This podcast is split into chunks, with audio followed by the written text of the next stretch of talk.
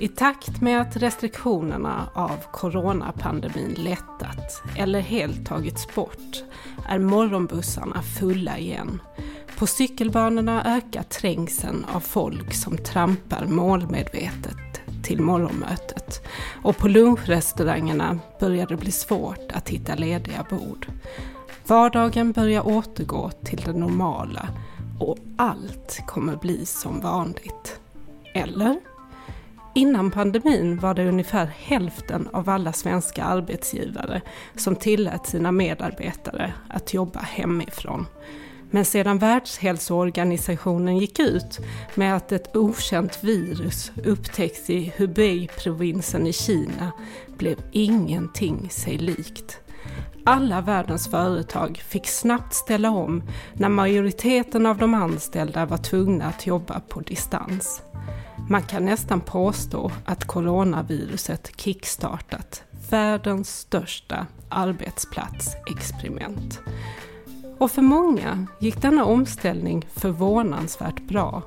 Under tiden har det utförts ett flertal undersökningar bland anställda som arbetat hemifrån och många vill fortsätta med detta även när vi inte befinner oss mitt uppe i en pandemi. Och detta är precis vad vi ska prata om idag. Hur ska företag tänka nu? Och hur kommer framtidens arbetsplats se ut? Varmt välkomna till dagens avsnitt av Sveriges IT-chefer. En podcast producerad av Telavox och mitt namn är Kim Victorin. Till min hjälp idag har jag lyckligtvis med mig Andreas Lenneberg i studien som är grundare och VD för Meteo. Varmt välkommen hit Andreas, vad roligt att ha dig här. Tack så jättemycket, jättekul att vara här. Härligt att höra. Du, kan inte du berätta lite kortfattat om vad du gör på Meetio? Och sen så har jag även hört ett rykte om ett uppköp. Eh, det stämmer. Ehm, jag, eh, fram till maj månad i år, jobbar jag som eh, VD på, ehm, på Meetio. Men vi blev uppköpta av Logitech eh, i, i maj månad och nu jobbar jag som Head of Meteor på Logitech. Eh, så eh, i princip samma roll. Eh, jag, jag försöker vara spindeln i nätet som, som eh, hjälpa alla våra teammedlemmar att, eh, att eh, göra lösningar och marknadsföra lösningar och sälja lösningar för den moderna arbetsplatsen. Det låter ju jättespännande. Men du, vad, vad gör Meetio för någonting? Vad, är, vad består affärsmodellen av? Vi gör mjukvara för att boka eh, gemensamma resurser på, eh, på eh, arbetsplatsen. Eh, mötesrum är den klassiska eh, och där egentligen grunden till Meetio uppstod. Eh, konflikterna kring mötesrummen som jag tror de flesta, om inte alla, känner igen sig i. Man har allt, någon gång har man eh, bankat på och det har varit eh, upptaget och man har tvungen ta ett mötesrum och man har fått köra ut folk. Eller man har själv blivit utkörd. Eller man har inte hittat något mötesrum när man verkligen behövde. Alla de här småkonflikterna som, som kan leda till ganska stora irritationsmoment på, eh, på ett kontor. Särskilt när mötesrummen blir mer och mer ehm, använda och mer och mer viktiga. Ehm, så eh, det var på mitt gamla jobb som jag eh, jobbade som IT-chef faktiskt. Eh, som jag kände av det här problemet. Och tänkte det borde man ju lösa. Mm. Bara för mitt jobb. Jag tänkte inte något stort IT-företag eller så. När, när, vi, när vi tittade på en lösning så jag äskade lite tid ifrån min chef, dåvarande vd för för Lundalogik som de heter idag, Lime, eh, då, eh, Lime Technology som de heter i, idag. Ja men de känner vi väl till, det är kunder eh, till oss. Ja, de ja, gör CRM-system.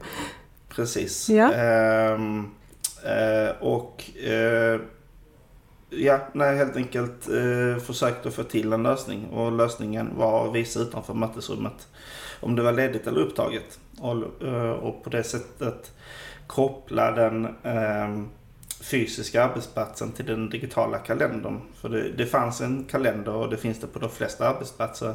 Men det blir oftast en om man inte har ett sätt att visualisera om ett rum är upptaget eller inte så blir det oftast en... En, ehm, en förhandlingsfråga ja, det blir nästan. En förhandlingsfråga och en, kopplingen mellan den fysiska och den digitala verkligheten skevar liksom. Mm. Och då blir det en förhandlingsfråga.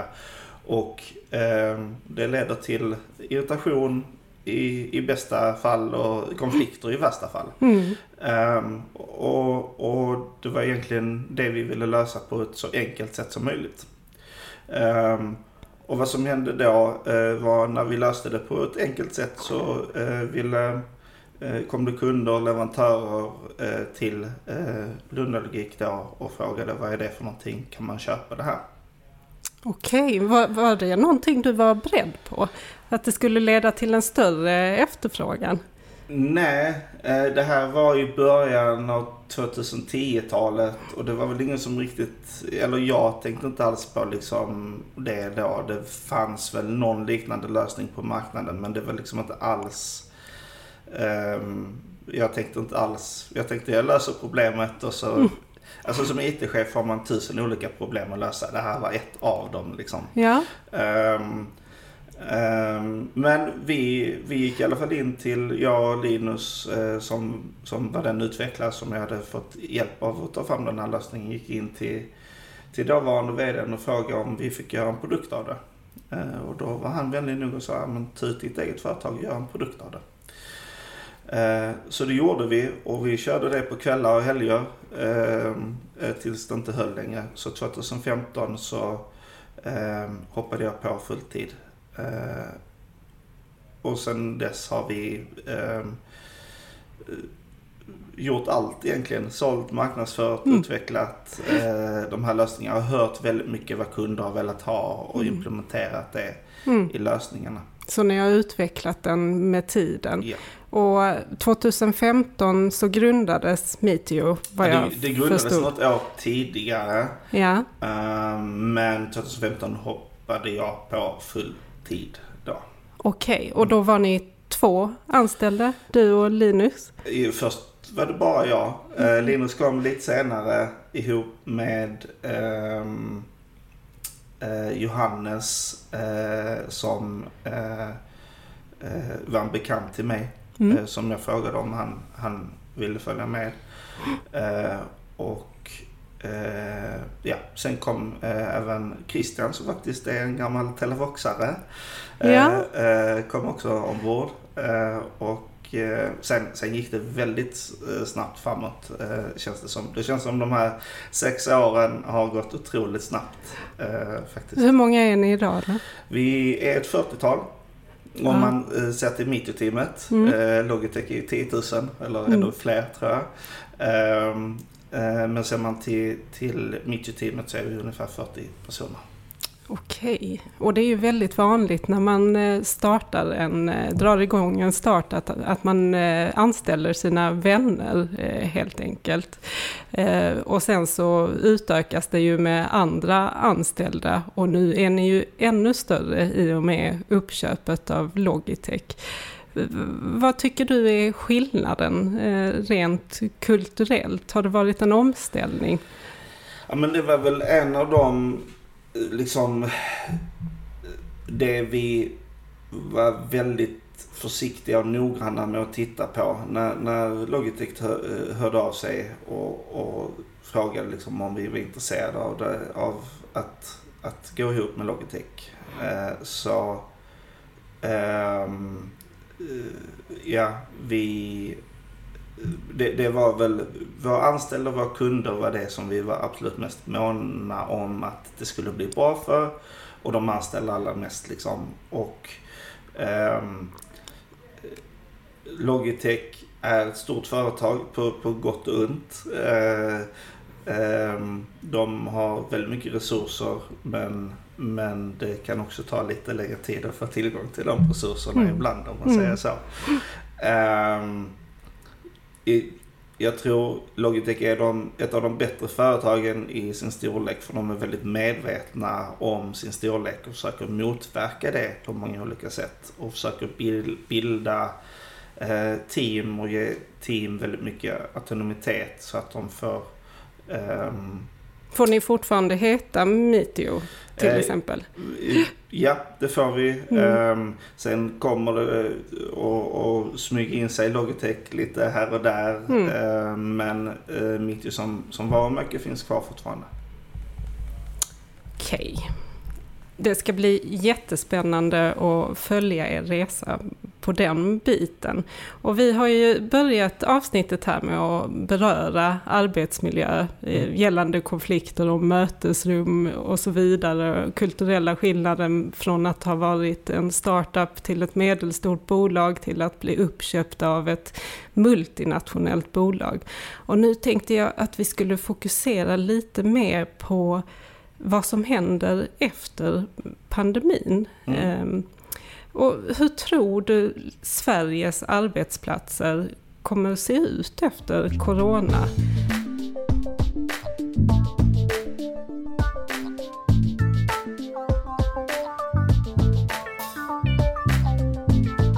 Eh, man har ju hört talas en del om den hybrida arbetsplatsen.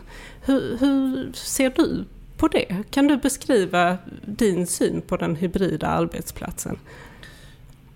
Jag, jag tror det finns lika många definitioner på hybrid arbetsplats som det finns eh, eh, anställda i företag nästan. Eh, för, för mig är det hybrida är när man eh, den anställde utifrån sitt omdöme avgör var eh, det är bäst för den att den arbetar den aktuella dagen, dagarna, veckorna, åren. Um, det kan vara hemma. För vissa passar det jättebra. Ehm, man kan sitta tyst, man får koncentrera sig. Och det kan passa bra vissa dagar, vissa veckor, vissa månader. Det kan vara på kontoret, man får energi av att träffa folk, man får idéer. Ehm, men det, troligtvis kommer det vara en blandning av det. Ibland bör man koncentrera sig, ibland bör man sitta på kontoret. Ibland kan man inte koncentrera sig där hemma, då bör man komma in till kontoret för att koncentrera sig. Så att det, jag skulle säga det utifrån varje persons förutsättningar, vad, vad man kan göra och eh, vad man tycker är bäst och så skaffa sig en, en, en eh, arbetssituation och en arbetsdag eh, där man är på det ställe där man enklast eh, utför sitt arbete. Så det är alltså upp till individen att bestämma hur mycket man fysiskt ska vara på arbetsplatsen? Ja och nej. Alltså mm. det, det, finns ju, man måste ju alltid eh, man har ett ansvar för sina arbetsgivare såklart att se till att man arbetar eh, med sina teammedlemmar och, och att man underlättar samarbete och alla de. Eh, men jag tror ändå mycket det är ner till individen att bedöma det. För jag tror inte um, en, en, en chef eller en teamledare eller, eller liknande kan, kan göra uh, um, de kan hjälpa till den anställde att göra de bedömningarna men jag tror fortfarande eh, det är hos det egna ansvaret att, att bedöma det. Tror du ledare håller med om detta generellt sett? Vissa ledare gör det, eh, mm. vissa gör det inte. Jag tror um, det är hur man ser på ledarskap. Uh, ser man på ledarskap att man ska se till att någon är på kontoret mellan 8 och 5 då kommer man ju såklart tycka det här är jättejobbigt. Uh, för då, då är det sättet man har koll på sina anställda och då, då försvinner ju den kollen. Och Eh, Eh, då kommer det vara jättesvårt eh, om man är den typen av ledare. Är man den typ av ledare som sätter mål och kollar på resultat istället eh, så tror jag att det är ett sätt som kommer att stödjas av det här arbetssättet och göra att det blir att man får ännu bättre resultat faktiskt. Mm. Så att jag tror en del ledare kommer ha jättesvårt för det. Eh, det beror på rollen också såklart. Um, en, um, um, uh, fabriksarbetare kan kanske inte jobba hemifrån. Eh, eller en mäklare kan, kan till viss del jobba hemifrån men behöver, mm. ibland måste den ju vara ute och sälja hus, mm. liksom, vara på plats. Så att det beror ju lite på såklart. Men, ja men det är bra att du mm. poängterar det. Därför det, denna podcasten handlar ju främst om de eh, människor som har jobb där det finns möjlighet att mm. jobba hemifrån. Kanske mm. majoriteten av tiden eller delvis eh, helt enkelt. Sen finns det ju en stor förståelse för att kanske inte alla har möjlighet till att göra det mm. just nu. Nej, nej men verkligen. Och, och på något sätt, eh, ja, samtidigt tror jag eh, även i, i jobb som kanske traditionellt sett har varit att vara 100% på, på jobbet. Att man kan hitta arbetsuppgifter där också där folk kan jobba hemifrån. Jag tror att eh, det kommer vara en utmaning men som också kan skapa någonting positivt. Jag tror att um, um, att få folk att kunna balansera upp livet mer, uh, vilket man får med den hybrida arbetsplatsen om man gör dem på rätt sätt. Jag tror det är um, att det skulle gynna folks hälsa helt enkelt genom att kunna balansera arbetsliv bättre med privatlivet. Därför om man tittar på till exempel Försäkringskassans statistik om eh, vilket segment som, eh, eller till vilken orsak man är sjukskriven så är ju psykisk ohälsa eh, den främsta orsaken. Eh, och, som, och stressrelaterade Ja, dels det. Alltså, vi vet, jag tror alla kan identifiera sig i, i att vardagen är svår att få ihop. Liksom. Man, ska, man ska ta sig till jobbet, man ska ta sig hem från jobbet, man ska vara på jobbet, man ska hämta unga, man ska lämna unga, man ska träna, man ska göra allt möjligt. Eh, och, och, kan man ta ur eh, penningen till jobb eh, ett par dagar där så kan det nog göra livet enklare för de flesta. Sen Um, hybrid behöver ju inte bara vara om man är på kontoret eller hemma. Det kan ju vara arbetstid också. Att folk får mer, um, att man får bedöma själv och göra det. Så det får du jättegärna utveckla. Hur, hur, menar du med det? Att man fördelar sin tid uh, annorlunda, alltså de 40 timmarna om man nu jobbar heltid på ett annorlunda sätt? Ja, men jag tror det. Jag tror att, uh, och det på något sätt Eh, Eh, innan pandemin var det väl, eh, man satt och kollade mejlen efter arbetstid och så jobbade man ändå lite. Eh, nu kan det ju vara att man får en, en flexibel arbetstid i det att man kanske börjar lite senare men man, man kan svara på något mejl på kvällen och så. Sen, det är ju stora faror med det också. Det kan ju göra att folk jobbar dygnet om. Och igen, det kommer ju ansvaret tillbaka till till den enskilde individen att, att se till att få en balans i sin arbetsdag. För det, det mm. kom, jag, jag, tror det smetas ut um, väldigt mycket mer. Um, och det är väl bara gott till sig själv. Mm. Jobbar man mer än 40 timmar mm. per arbetsvecka. Jag tror de flesta faktiskt svarar ja på det. Uh, för att man, man kollar ju mail. Du får ju dopaminkickar av att kolla om du har fått ett mail. Uh, så att man kollar mail och så börjar man tänka på jobb. Uh, även när man är utanför jobb. Och då på något sätt som arbetsgivare eh, gillar man ju det men man vill ju också jag, jag tror ju verkligen att se till att alla anställda eh, mår bra. Eh, för då kommer, eh, kommer idéer komma upp och man kommer få eh, en, en miljö som gör att företaget går bra. Jag tror det är en av de viktigaste som, som eh, ledare eh, för en organisation eller ett företag är att se till att alla anställda mår bra. Mm. Eh, det, eh, det finns få saker som, som gör eh, att ett, att ett bolag blir framgångsrikt som det, tror jag faktiskt. Ja, det finns ju helt klart många fördelar med det. Och eh, enligt studier så är det ju många som vill fortsätta ha möjligheten att jobba på distans eller mm. delvis på distans. Men vi kom ju in på lite baksidor eh, gällande att sitta hemma mm. eh, och jobba. Att det blir svårt att göra avgränsningar. Eh, alla kanske inte har en hemmiljö som är idealiskt att jobba hemifrån på. Och du nämnde innan att det var upp till individen att sätta de gränserna.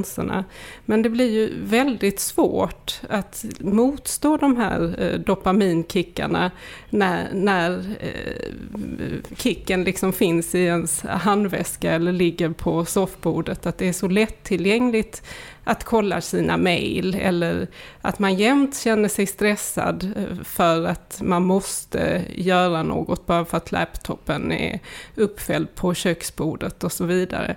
Vad, vad tycker du arbetsgivaren har för ansvar att på något vis sätta en begränsning om man nu tillåter sina medarbetare att jobba på distans?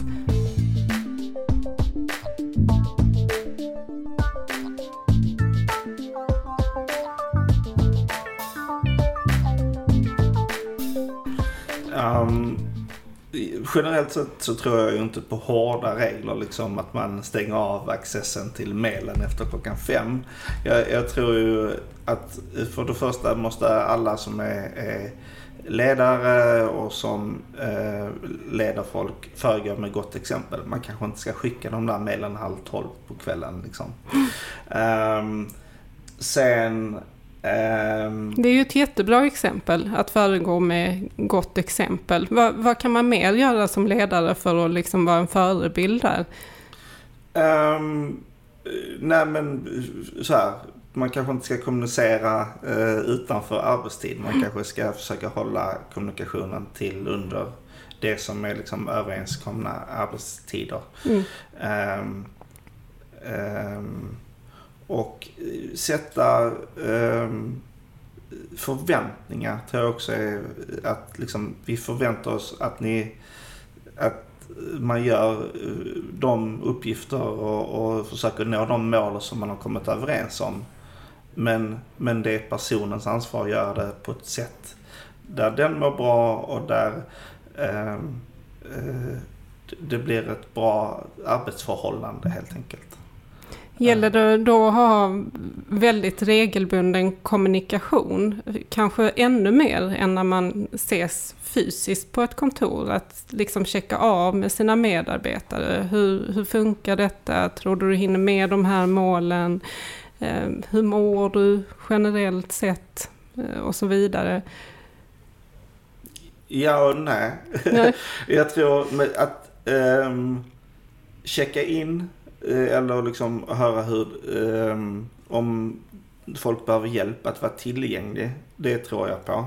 Uh, att kolla hur långt någon har kommit. Uh, det blir lätt att folk känner sig övervakade och, och liksom känner att uh, chefen flåsar ner för min nacke. Så att jag, jag tror um, kan man omformulera och säga, vill du ha hjälp med ja, någonting? Ja, precis. Vill du diskutera något? Eh, eh.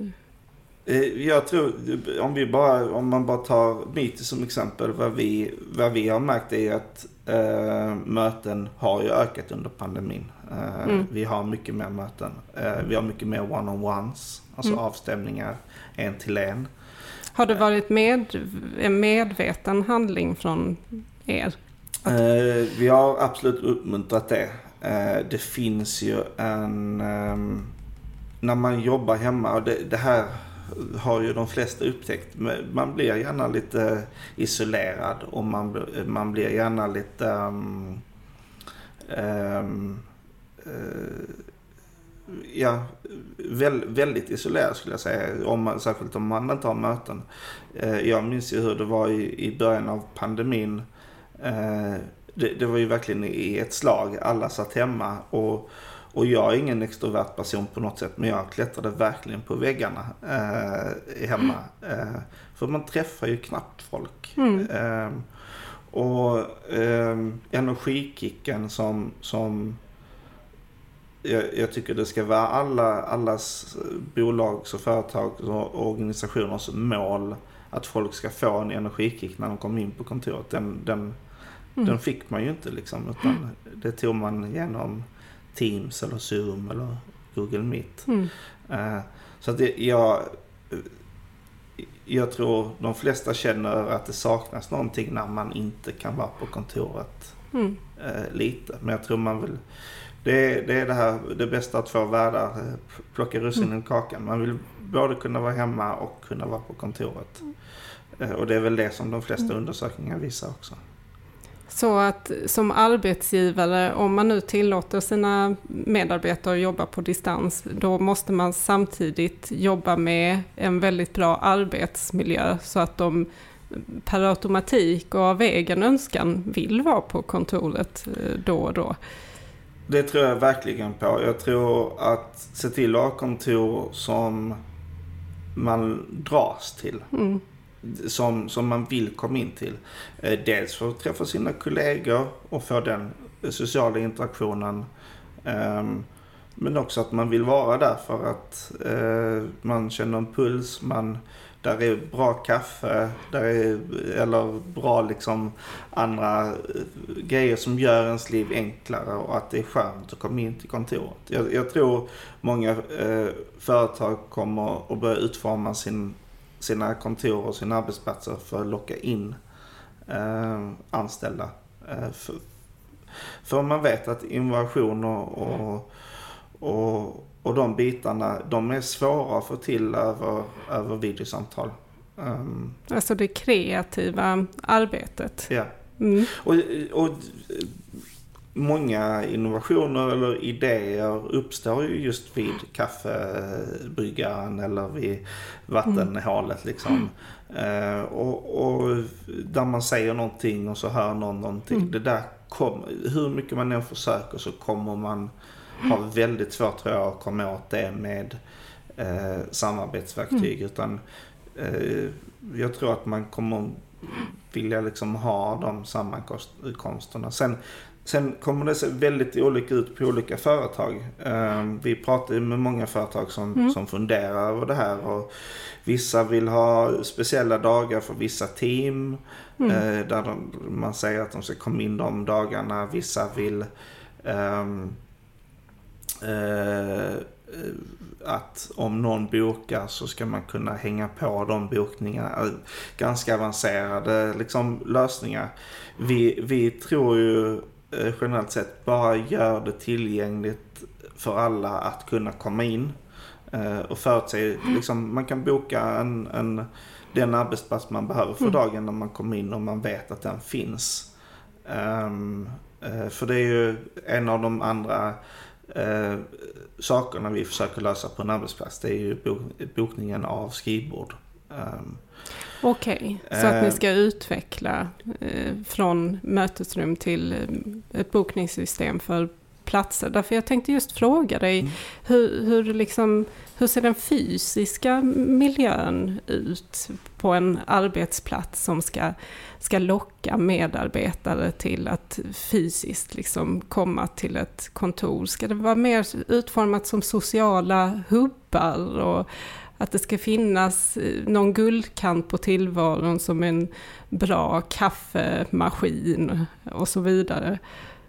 Jag tror ju det. Jag, jag, tror att man, alltså investeringen i en bra kaffemaskin eh, och, och, eller vatten eller läsk eller vad det än är, eh, är en väldigt liten investering. Eh, jag kommer bara ihåg när vi, när vi satte in en, en liten läskkyl på Meetju.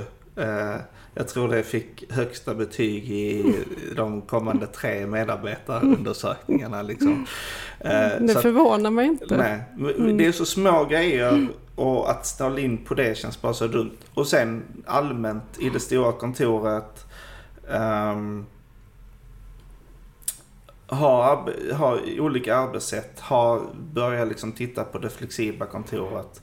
Vissa kommer behöva sitta tyst, mm. även om de är på kontoret för att de kan inte sitta tyst hemma. Så de vill komma och kunna sitta för sig själv och sitta tyst. Eh, jag tror inte det är liksom stora öppna eh, liksom fält av skrivbord. Eh, jag tror de flesta har ganska dålig erfarenhet av det. Det blir ganska höga ljudvolymer och så. Men man kanske har lite små kluster av skrivbord där man kan sätta sig ner som ett team eller om man bara vill eh, sitta nära någon liksom.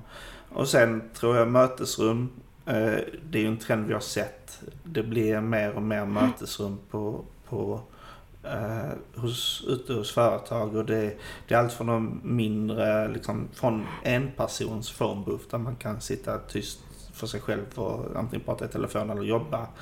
Till små collaboration rooms som är två, tre personer till eh, de medelstora eh, mötesrummen som är kanske de som används allra mest, tre till sex personer.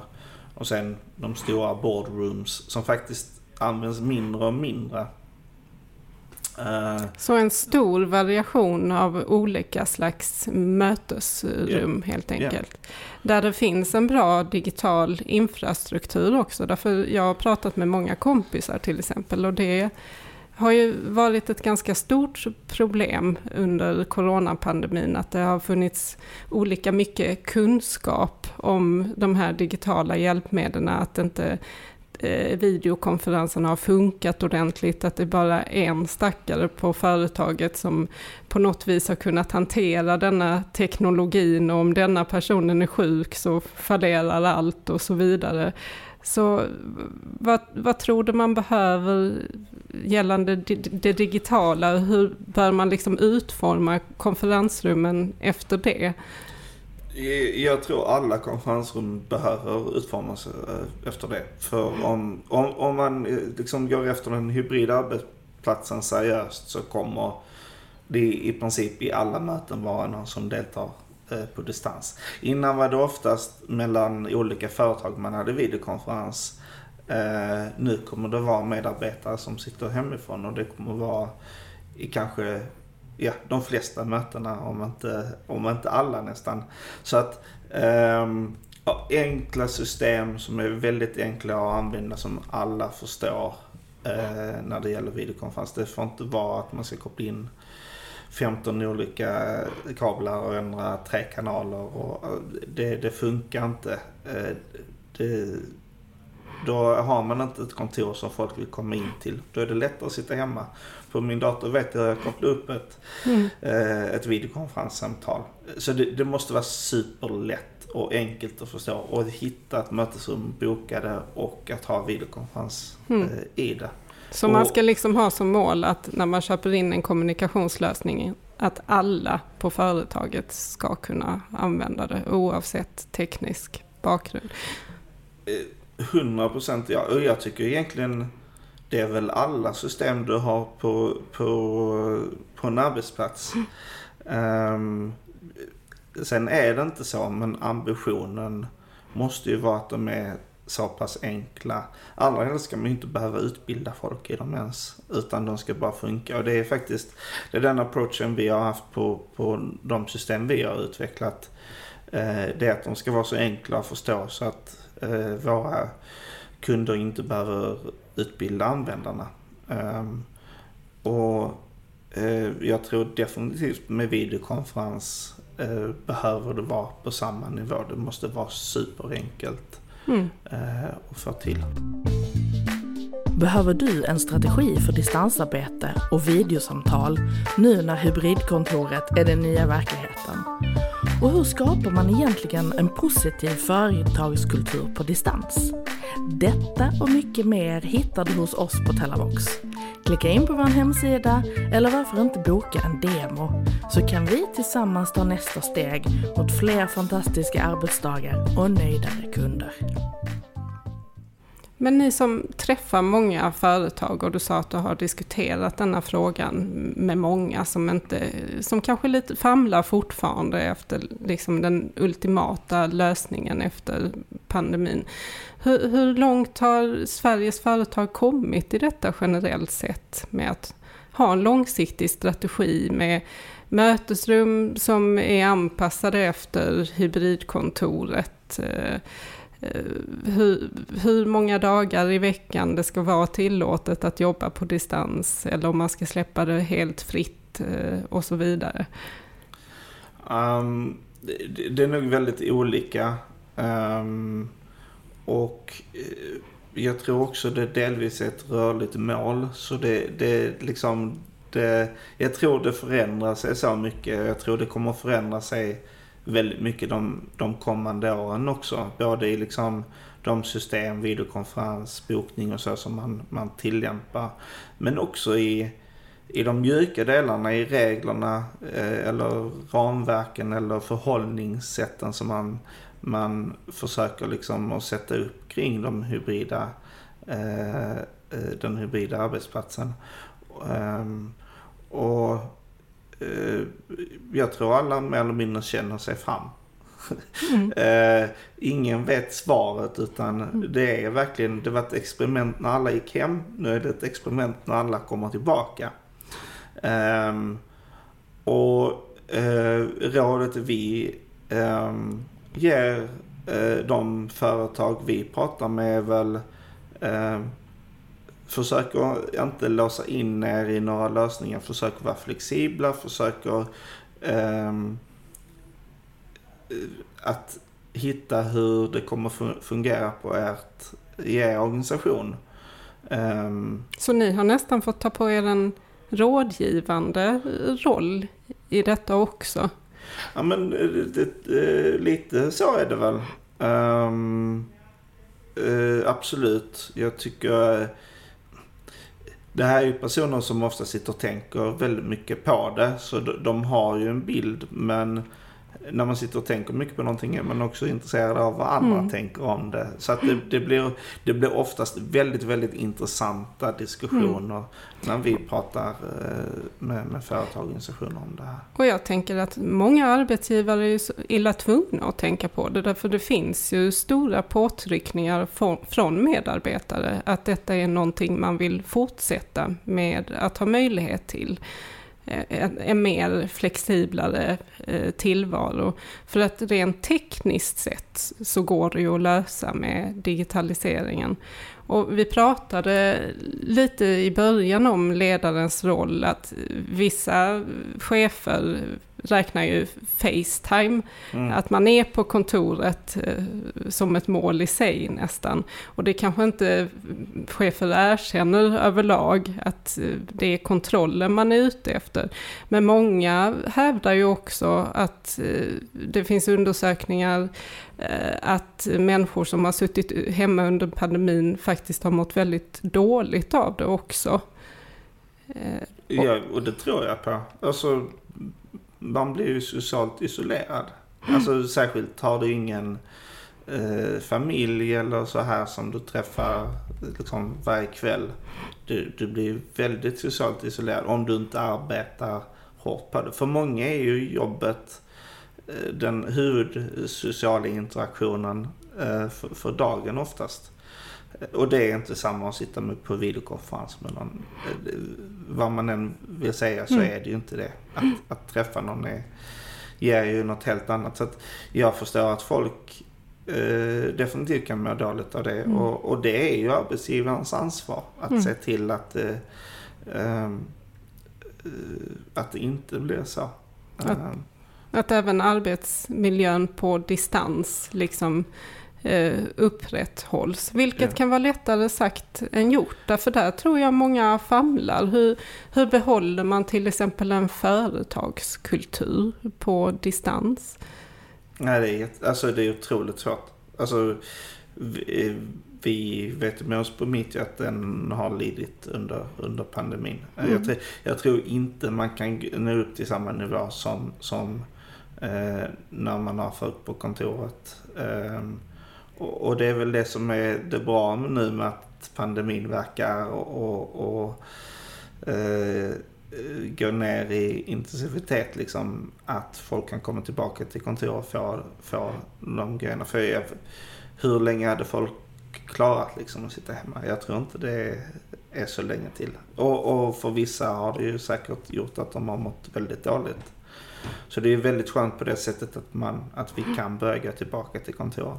Um. Ja, därför 80 procent är ju också kroppsspråk. Så mm. även om du kan se varandra på videokonferenser så blir det ju en rätt så endimensionell eh, bild. Och jag kan tänka mig om man mest eh, kommunicerar rent textuellt via chatt och så, att det kan ske en del onödiga missuppfattningar som annars inte hade skett om man hade träffats fysiskt. Och det, det är ju rätt så sällan folk står och liksom skriker på varandra i korridorerna och bråkar. Alltså, eh, ja, man verkligen. reder ju ut det på ett annat sätt om man ses.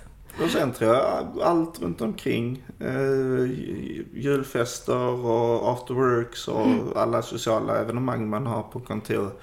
Eh, och på en arbetsplats. Eh, de gör ju att folk eh, eh får en relation till varandra som inte bara är helt professionell. Och det gör mm. att man kan kanske eh, se igenom när man irriterar sig på någonting eller liknande. Det, det mm. Jag tror det är jätteviktigt mm. och jag tror det kommer vara en, en stor, att man behöver lägga en stor vikt när man går tillbaka till kontoren att få ha några rejäla afterworks eller mm. eh, julfester eller eh, teambuilding aktiviteter, vad den är för att liksom få alla och särskilt de som har kommit till, alltså nyanställningar under pandemin, mm. att få dem att känna att de är en del av teamet. För jag tror, jag tror definitivt att det kan kännas eh, som att man inte har blivit det i samma utsträckning som när man hade varit på arbetsplatsen och träffat alla och liksom så. Ja, det är väl en av de mest, eller de största utmaningarna att omborda människor under en pandemi som har varit så länge. Mm. Eh, ja, vi har ju själva märkt att vi har haft eh, eh, vi har ju anställt under pandemin eh, och jag tror vi har haft högre frånfall av de vi har anställt liksom, eh, än någonsin tidigare och ganska mycket högre också. Och det är väl för att hur mycket man än försöker så är det svårt att få till eh, en bra onboarding när man inte kan träffas, tror jag faktiskt. Sen finns det företag det går jättebra för. Mm. Um, och det finns företag som är spridda över hela världen. Men jag tror det krävs dels vissa typer av anställningar och sen måste man anpassa ombordningar, ombordningarna efter det så att säga. Eh, så att eh, det går säkert men vi har sett utmaningar i det. Och jag tror, vad jag har hört så är det många företag som har sett utmaningar mm. i att omborda folk. Vi är inte vana vid det här. Eh, det kan man väl säga. Vi var inte vana vid att sitta hemma. Vi är inte vana vi har kommit tillbaka till kontoren heller. Eh, så att det är ju verkligen, vi får alla liksom försöka eh, utmana oss själva och hitta så bra lösningar på, på det som möjligt. Ja, det känns ju verkligen nygammalt att komma tillbaka till kontoret. Ja. Eh, det är som vanligt men det är ändå inte som vanligt. Mm. Men, men du, har ju, du har ju varit väldigt tidig med detta som chef, eh, vad jag har förstått. Att folk har fått jobba hemifrån eh, och så vidare. Har det varit så från start på Meteo? Ja, nej, vi har väl också hamnat lite i den här fällan som det känns som de flesta eh, eh, gjorde på något sätt. Eh, att eh, det är bra att alla är på kontoren för, för det, då kan alla samarbeta. Man kan gå och ställa snabba frågor och så. Ehm, och på något sätt så känns det som att pandemin visade för alla att det kanske var lite författade meningar. Mm. Um, och innerst inne, om du är helt ärlig, handlar det lite om kontroll också? Jag tror, eh, jag kan inte svära mig fri från det. Eh, jag tror definitivt att man på något sätt, det är ju enklare, ser man någonting så är det ju lättare mm. att, att sätta det i kontext. Mm. Um, och förstå att någonting händer liksom. Um, Ehm, men jag, jag, tror definitivt om det är något pandemin förändrar så eh, tror jag och hoppas jag att det är det tankesättet. Eh, och verkligen ge folk ansvar. Sen finns det, det kommer finnas folk som utnyttjar det också. Det finns det ju med allt, men då får man ju försöka och, och, och komma på sätt att, att hantera det på helt enkelt. Jag tror att ha en nära kontroll av alla medarbetare. Jag tror det låter ju för det första skittråkigt. Men alltså det låter så. Är det det bästa en, en eh, teamleader eller en chef kan göra? Att kontrollera sina medarbetare. Finns det verkligen ingenting som ger mer värde som man kan göra? Det, det tror ju jag.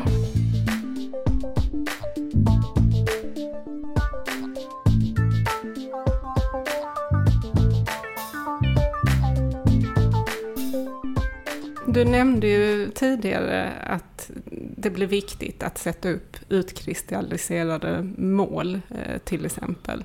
Och oavsett hur du uppnår dem, eh, om det är hemma eller om det är på kontoret, så blir det ju ganska tydligt om man inte har gjort det eller inte eh, som medarbetare. Precis, och, så, och din roll som eh, chef och ledare och, och, och guida Eh, medarbetarna så att de lyckas nå målen, lyckas sätta målen. För det är ju inte du som, som eh, eh, ledare som ska sätta dem helt själv på din kammare. Det ska ju göras ihop med den anställda, eh, tror jag. Eh, och så hjälper du den anställda om den behöver någon hjälp. Ehm, eller om man har något liksom. Mm. Det, jag, man jag får tror... en mer coachande roll och chefer som till största del kanske har ägnat sig åt att vara på kontoret och eh, ha en viss kontroll och så vidare. Kanske att det sätter en annan press på organisationen att man måste jobba lite mer strategiskt och, och tillsammans med den anställda sätta rimliga mål och få en mer coachande roll som jag tror de flesta chefer har eh, mm. såklart. Men eh, det gäller ju att utvecklas också i sin roll som ledare och mm. när man har hälften av sina anställda på distans så förstår man ju verkligen att det är en annan situation och att det kanske krävs något annat av en. Tror du att det, det kan vara en motvilja hos ledare? Att den här förändringen är läskig? Alla förändringar är läskiga, mm. eh, skulle jag säga. Um, eh, och beroende på eh, personlighetstyp så är den mer eller mindre läskig. Um, um, om man tycker, ja, så att jag tror definitivt för vissa ledare eh, handlar det om, en förändring handlar ju om på ett sätt att tappa kontrollen. Någonting förändras. Man har inte 100% kontroll på hur det ska bli. Och det kan ju vara en väldigt läskig upplevelse.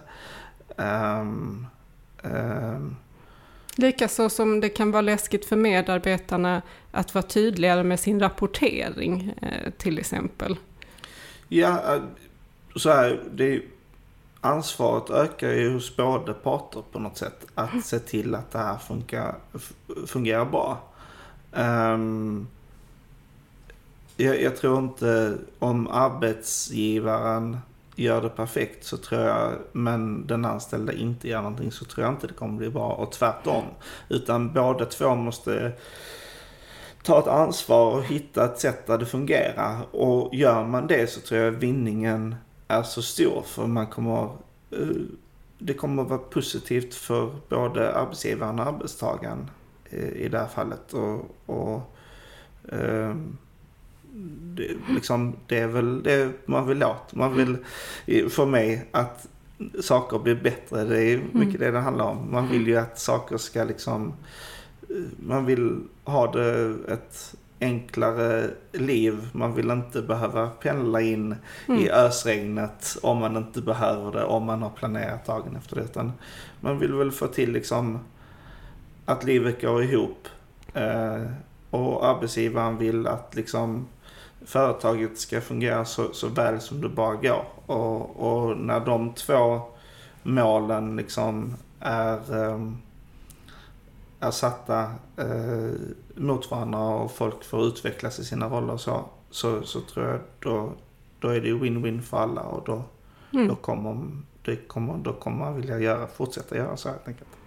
En annan fördel blir ju också att det blir kanske lättare att hitta talanger alla eh, rekryteringar behöver ju inte ske i samma stad som företaget ligger i.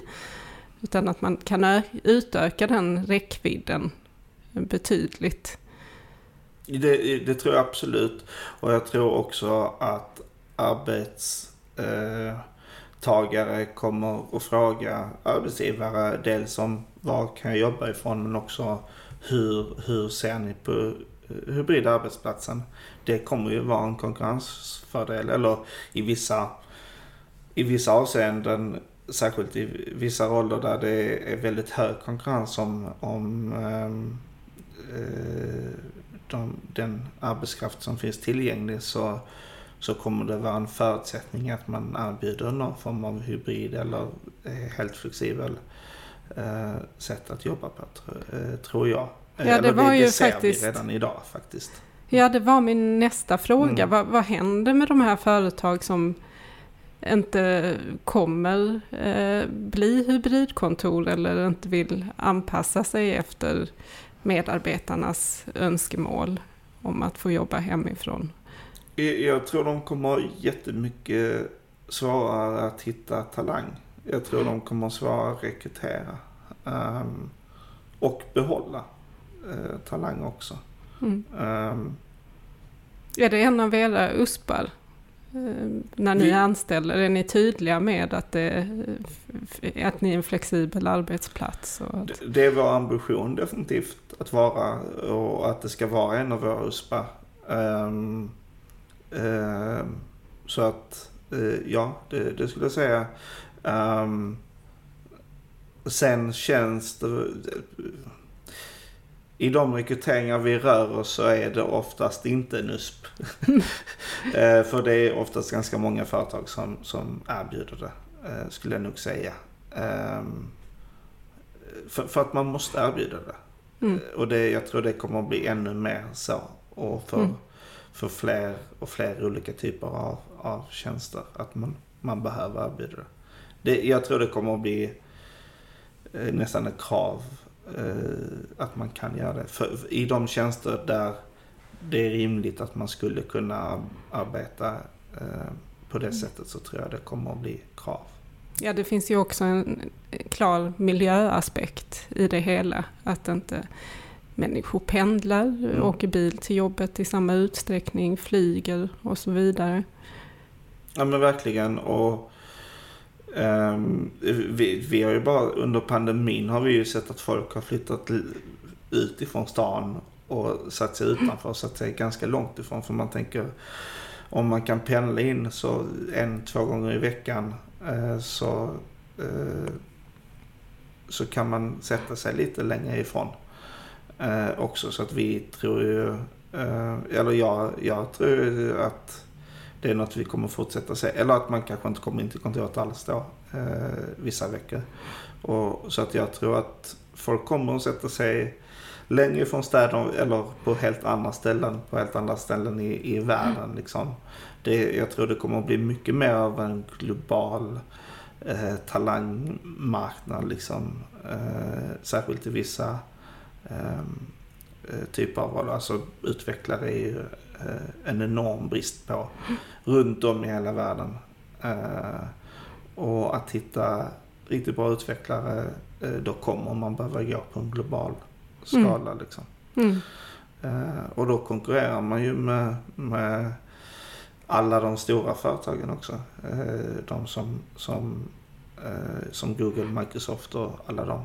Och, och då behöver man ju eh, tillhandahålla en arbetsplats som, som verkligen mm. möter upp till samma standard. Liksom. Ja. Så att, eh, Spännande. Mm. Du, en sista fråga. Mm. Om du blir erbjuden ett drömjobb, jag antar att du har det i nuläget, men eh, låt oss spekulera. Mm. Men man får inte jobba hemifrån. Hade du tagit det då? Um, nej. Uh, det är svårt. Jag har jättesvårt. Jag, jag har ju faktiskt mitt eh, drömjobb just nu eh, måste jag säga. Um, Men jag la till det. Ja, Låt oss säga ja. att du inte hade det. Ja. Um, Eller ett halvbra jobb. Um, Nej, eh, av den enkla anledningen att eh, jag har en sex månaders dotter som, som jag tycker är jättetrevligt att kunna vara nära. Och kunna jobba hemifrån och kunna vara nära henne. Um, um, så att nej, jag, jag, tror faktiskt inte jag skulle det. Uh, kanske under en kortare tidsperiod men inte, inte som uh, för, för liksom oöverskådlig framtid. Liksom. Uh, då hade jag nog inte tackat ja till ett sånt jobb. Okej. Okay.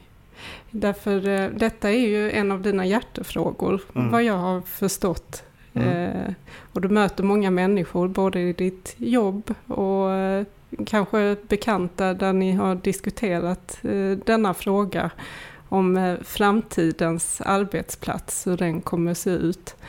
Och jag är jättetacksam att du kom hit idag och delade med dig av alla dina erfarenheter och tankar och tips eh, kring detta.